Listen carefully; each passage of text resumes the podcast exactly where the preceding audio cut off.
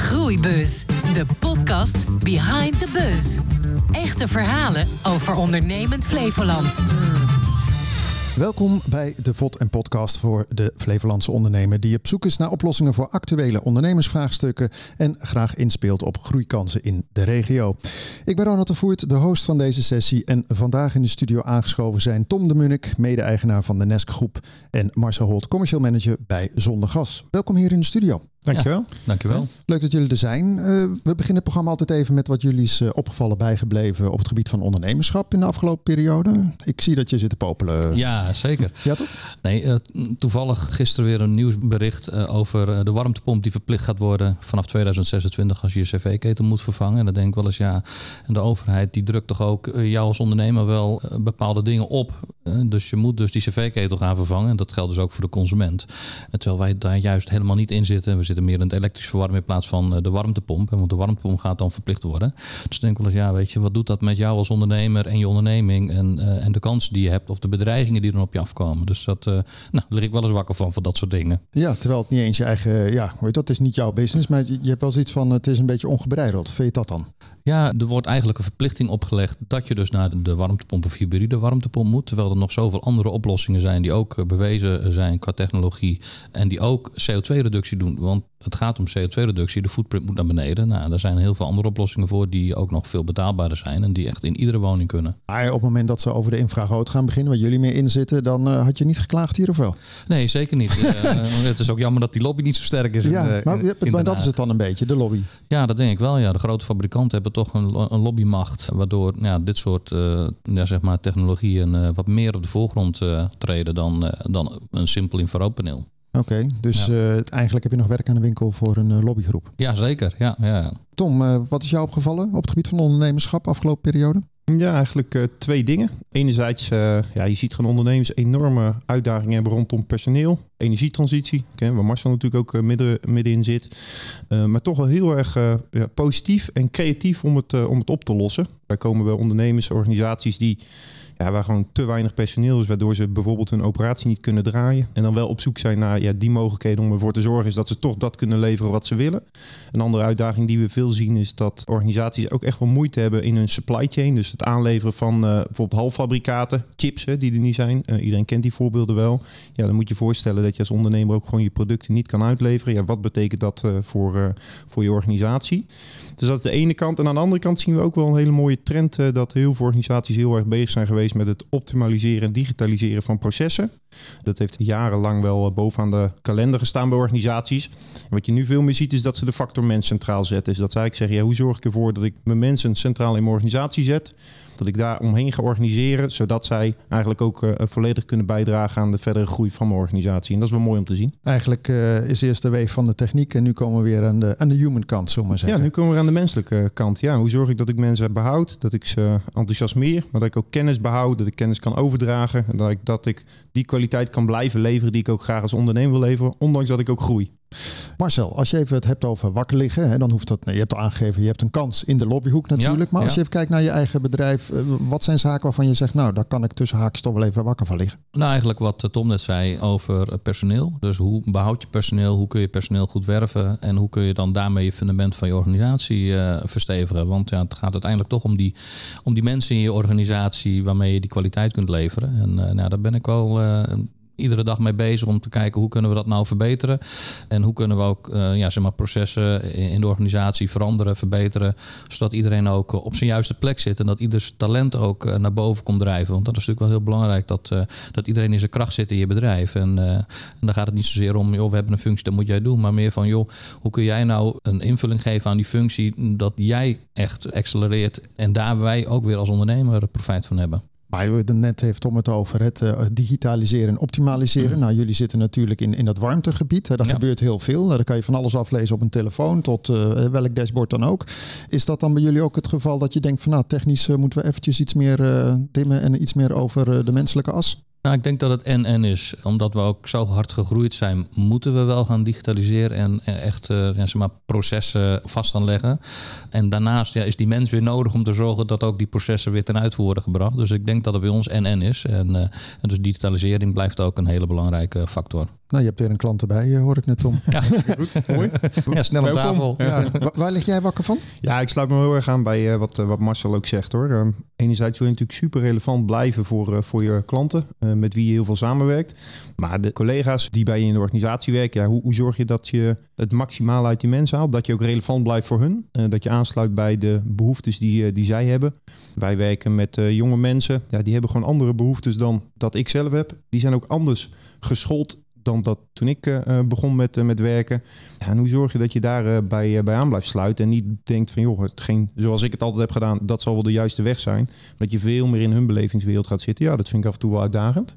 En, en dat gaat niet vanzelf. Want even ook voor de goede orde, bij de Nestgroep, jullie houden je bezig met de groeiambities van andere bedrijven. Dat help je met allerlei tooling en processen. Ja. Dus eigenlijk een beetje een soort van de basis neerleggen technisch, maar ook op allerlei andere vakken, als ik het een beetje kort samenvat. Klopt dat? Ja, klopt. Ja. Wij noemen dat eigenlijk het neerzetten van de operationele standaard. Dus eigenlijk zeggen wij, joh, zorg nou dat je, eigenlijk zo je het zegt, de basis op orde hebt.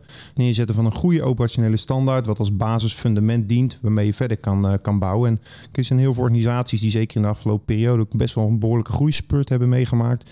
Ja, er komen allerlei vraagstukken rondom processen, rondom technologie, maar zeker ook rondom de factor mensen komen op je af. Ja, hoe zorg je nou voor is dat je een fundament hebt neergezet.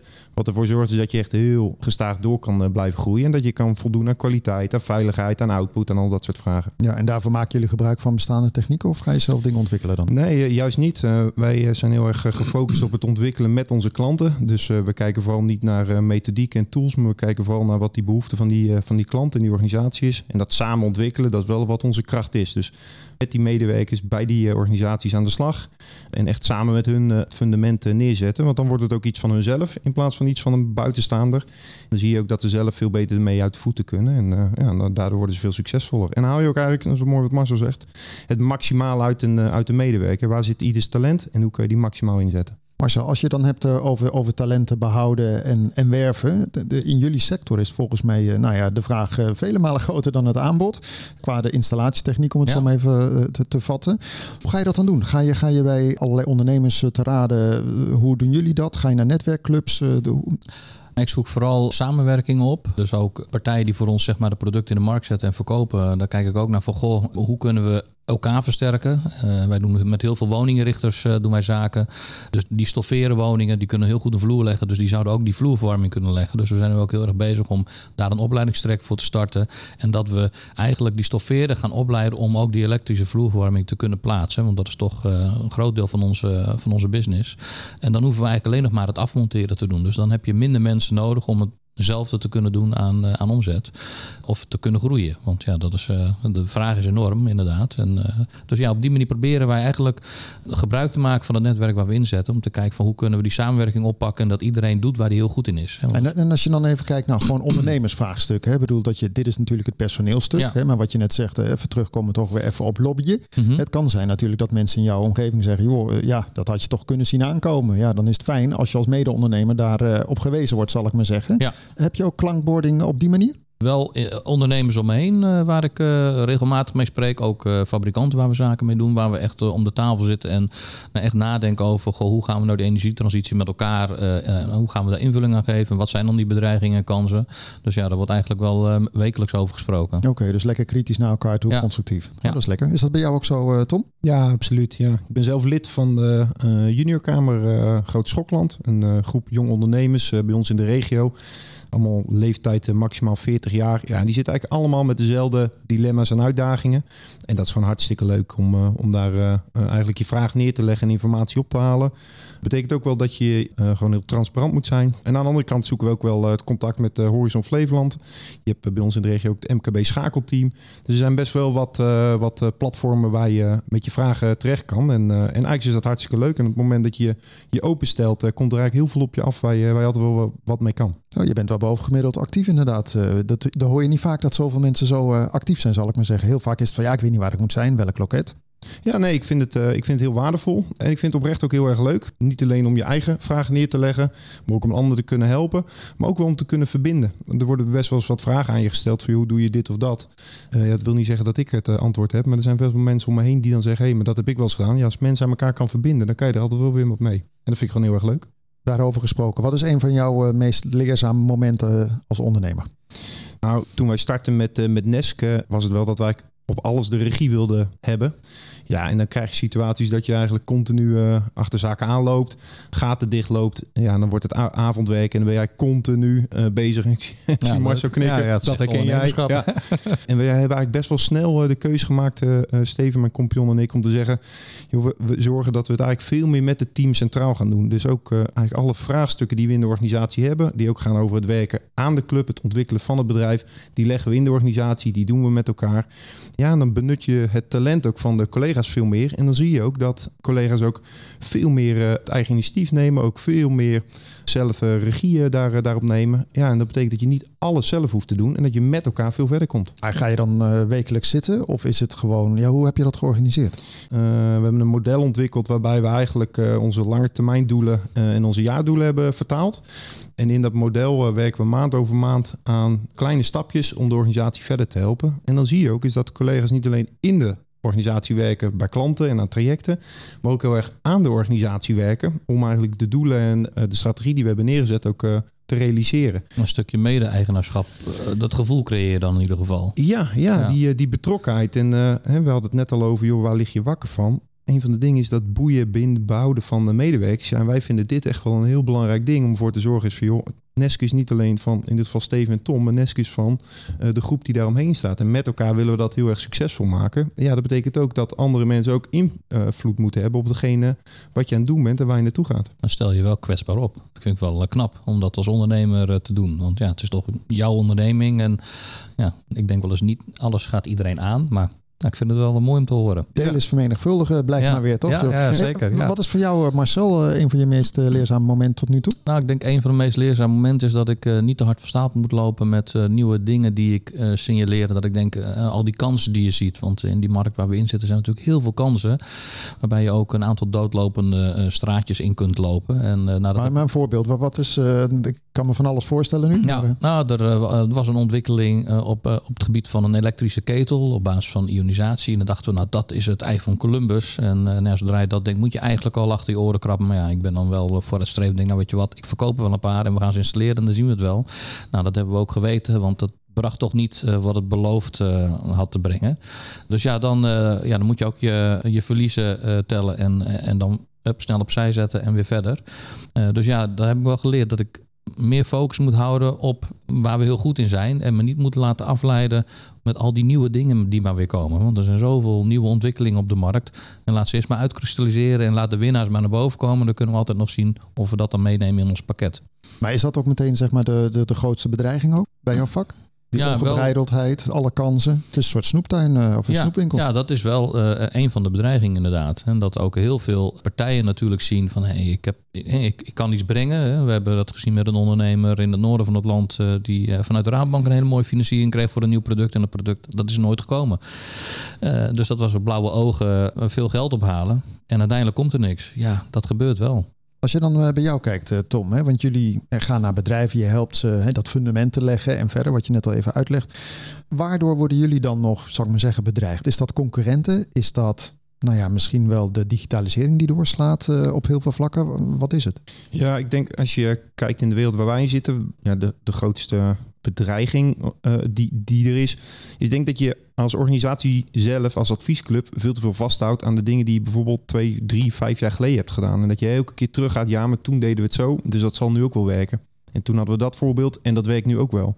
Die wereld verandert zo snel. De uitdagingen die gaan zo hard, uh, volgen die elkaar op. Dus ik denk dat de kracht die erin moet zitten is dat je continu blijft ontwikkelen samen met je klant zelf. Het is voor hun een uniek vraagstuk. Het is een unieke organisatie. Er zitten unieke mensen in. Ja, dan kom je niet weg door te zeggen: ja, we hebben dit al tien keer op die manier gedaan bij dat soort organisaties. Dan zal het hier ook wel passen. Dus daar zit, daar zit voor ons ook wel de uitdaging dat je continu bezig blijft met hey, wat is dan de nieuwe, uh, het vraagstuk wat bij die klant ligt. En hoe zorgen we ervoor dat we samen met die klant dat zo ontwikkelen. Is dat het ook maximaal relevant voor hun is. Als je dan even kijkt naar de regio, hè, want jullie eh, zitten in de Noordoostpolder. Ja. Wat zijn dan groeikansen? Eh, Gewoon ook over heel Flevoland gezien. Maar wat, ja, waar zit het gebied waarvan jij zegt, daar ligt nog zoveel potentieel voor ons? Ja, nou als ik mezelf kijk, ik denk waar überhaupt heel veel potentieel zit, is veel meer de verbinding zoeken, bedrijven in de hele Flevoland, of in de, in de hele provincie moet ik zeggen. Kijk, wat wij in de regio heel erg veel zien, en misschien eh, ziet Marcel dat ook wel rondom het rond, is dat organisaties daar elkaar redelijk snel vinden. Maar er zijn maar weinig organisaties, in ieder geval dat beeld hebben wij, is dat die ook de stap zetten. Hey, maar wat voor bedrijven zitten er nou in de regio Dronten? Wie zit er in Lelystad? Wat zit er in Almere? En kunnen we nou veel meer met elkaar gaan samenwerken om om organisaties heen te gaan staan? Ik kan me heel goed voorstellen is dat Marcel bij organisaties komt die vraagstukken hebben die ook relevant zijn voor ons. En hetzelfde is namelijk dat wij bij organisaties komen die heel uh, die vraagstukken hebben die relevant zijn voor Marcel. Maar jij komt toch bij al die uh, clubs, uh, wat je net zegt, hè? Ik bedoel, netwerkclub, dit, dat. Dan zou je toch best wel een goed beeld moeten hebben, denk ik, van wat er juist speelt in, in de gebieden waar je het net over hebt. Jazeker, op regionaal gebied absoluut. Dan deel je dat soort uitdagingen met elkaar en ben je daar echt wel van op de hoogte.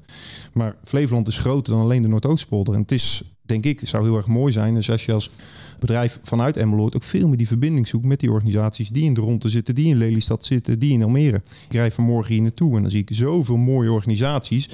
Ik ken ze niet, ik kom er niet. Uh, uh, wij rijden stad en land af uh, voor onze klanten. Maar eigenlijk hier in de regio doen we veel te weinig. En dat vind ik gewoon heel erg zonde. Nou, ik denk dat Marcel heel veel plekken komt waar jij nog niet geweest bent. Ja. Want wat, waar liggen voor jullie de grootste groeikansen? Nou, ook, ook in Flevoland, uh, naast dat het landelijk werk en eigenlijk onze meeste omzet toch uit Zuid-Holland, Noord-Holland komt. Uh, want er wonen de meeste mensen. Ja, zie je toch dat en Flevoland de focus op uh, het, lokaal verbinden en alles. Ja, ik zeg altijd, je wordt een beetje geleefd door je onderneming en de groei waar je in zit, waardoor je eigenlijk vergeet, goh, wie is mijn buurman eigenlijk? Terwijl je daar ook uh, samen mee kunt werken. Dus ik denk dat die, die kansen vooral ook bij ons lokaal aanwezig zijn. We gaan in juni gaan wij een, een, een open huis organiseren, alleen maar om mensen in Flevoland te laten weten dat we er zijn. Want ja, we doen helemaal niks aan marketing of wat dan ook. Uh, terwijl uh, ja, als mensen in de rond weten, hey, goh, hun halen woningen van het gas af. Uh, en ik zit eigenlijk met ja, die uitdaging, hoe kan ik dat doen? En nu weten ze ons misschien niet eens te vinden, terwijl we nou ja, om de hoek zitten. Dus ja, ik denk lokaal veel meer uh, jezelf presenteren. En ook inderdaad ondernemers opzoeken. En, en zorgen dat je elkaars netwerk deelt. Want ja, nee, ik heb een netwerk, Tom heeft een netwerk. Ja, zo kun je elkaar denk ik enorm helpen aan uh, nou ja, de, die kansen te benutten die er zijn. En ik denk ook sowieso als je het hebt over, hè, over warmteopvang. Hè, je hebt er gewoon natuurlijk ook met batterijen te maken ja. en allerlei zaken. Ik bedoel, de, daken die liggen nog lang niet vol. Maar goed, dat even ligt te maken ook met de technieken. Weer? Ja, en, en we zien nu in de Flevopolder heel veel windmolens uh, die gebouwd worden. Dus nou, dan moet het stroomnet er toch op aangepast zijn. Want uh, de, de groene stroom moet direct het net op en afgenomen worden. Terwijl er nog zoveel openbare gebouwen en daken zijn die niet vol zijn gelegd met zonnepanelen. Denk, goh, waarom doen we dat niet eerst? Hè? Want dat is een enorme kans. En hoe ga je nou kijken dat je ook op wijkniveau of op industriegebiedniveau die energie kunt opslaan en met elkaar kunt delen? Want ja, als je het nu niet kwijt kunt, dan zie je dat dus de prijs van stroom daalt. 19, de, de 19e van de afgelopen maand was bijvoorbeeld de stroomprijs bijna de hele dag min 24 cent. Omdat er zoveel aanbod was aan zon en wind, dat het niet afgenomen kan worden. Nou, dan moet je dus eigenlijk opslaan en later weer gaan gebruiken. Nou, dat, is, dat zijn wel kansen die er liggen. Maar ja, dat vergt uh, nou, uh, ook weer een hoop investering. Maar ik denk wel dat, uh, dat we met z'n allen dat zouden kunnen doen. Stel je voor dat jij voor één dag de baas van Ondernemend Flevoland zou zijn, Marcel. Ja. Wat zou je dan doen? Nou, dan zou ik in ieder geval kijken naar dat soort slimme oplossingen. Dus hoe kun je uh, uh, zeg maar opgewekte stroom opslaan op het moment dat het eigenlijk niet gebruikt wordt. En dan op het moment dat het wel nodig is, weer kunnen leveren. En dus ook met het stroomnet, hoe ligt het erbij? Als je nu bijvoorbeeld in Lelystad op bedrijventerrein zonnepanelen wil hebben, dan kun je eigenlijk niet terugleveren omdat er een congestie is. Ja, dat, dat is ongelooflijk in Nederland. Hoe kan dat? En dus daar zou ik zeker me dan mee gaan bemoeien. En jij, uh, Tom, wat zou jij doen als je dat uh, voor een dag voor het zeggen zou hebben? Eén dag voor het zeggen. Ja, ja dan uh, zou ik echt die verbinding gaan zoeken. Ik zou echt organisaties met elkaar in contact laten komen. De regio's met elkaar laten verbinden. Toronto, Noordoostpolder, Lelystad, Almere. kijk je in de keuken. En ik denk dat er nou nog heel veel, veel te winnen valt met elkaar. Oké, okay, mooi. Dat toch allebei erg van de verbinding, hè, zullen we ja, zeggen. Ja, ja. Uh, tot slot, in het programma vraag ik altijd nog even naar een aantal praktische tips of uh, ondernemersles. Heb jij nog iets uh, wat je uit je losse pols nog even op tafel wilt leggen, Tom? nou, als, als ik voor mezelf spreek, ik denk wat, wat heel belangrijk is, is dat je als ondernemer ook goed blijft kijken naar alle dingen die je goed doet. want we zijn heel goed in staat om allemaal op te noemen waar het allemaal beter moet. Maar nou, kijk ook af en toe eens even wat je eigenlijk als ondernemer heel erg goed doet. En geniet daarvan en wees daar ook gewoon een klein beetje, een beetje trots op. En durf dat ook maar gewoon wat te delen naar buiten. Dat, uh, dat maakt het voor jezelf, maar zeker voor de wereld om je heen ook heel erg, uh, heel erg leuk. En jij, Marcel? Nou, stel ik zou nu weer een onderneming starten, dan, dan zou ik inderdaad eerst kijken naar de lokaal, de netwerken die er zijn, de ondernemers die er zijn. Hoe kun je uh, nou ja, zeg maar gebruik maken van elkaars contacten om te zorgen dat je een heel leuk bedrijf kunt neerzetten. Dus ik denk dat je nou, veel meer nog moet vertrouwen en bouwen op de mensen om je heen in plaats van het ver weg te zoeken. Dus ja, dat, dat wil ik wel als tip meegeven. Nou, hartelijk dank. Toch wel mooi te zien. Hè? In een digitaal tijdperk uh, valt het woord mensen vaker weer dan ooit, zullen we maar zeggen. Hartelijk dank uh, voor het prettige gesprek. Jullie allebei. Uh, Tom de Munnik, mede-eigenaar van de Nestgroep. En Marcel Holt, commercieel manager bij Zonnegas. Hartelijk dank allebei. Dankjewel. Dankjewel. Jij bedankt voor het kijken en wat luisteren naar deze aflevering van Groeibus. Wil je eerdere afleveringen bekijken of beluisteren, dan kan je ook eventjes naar de site van Horizon Flevoland. Ook natuurlijk voor meer informatie. Graag tot de volgende keer.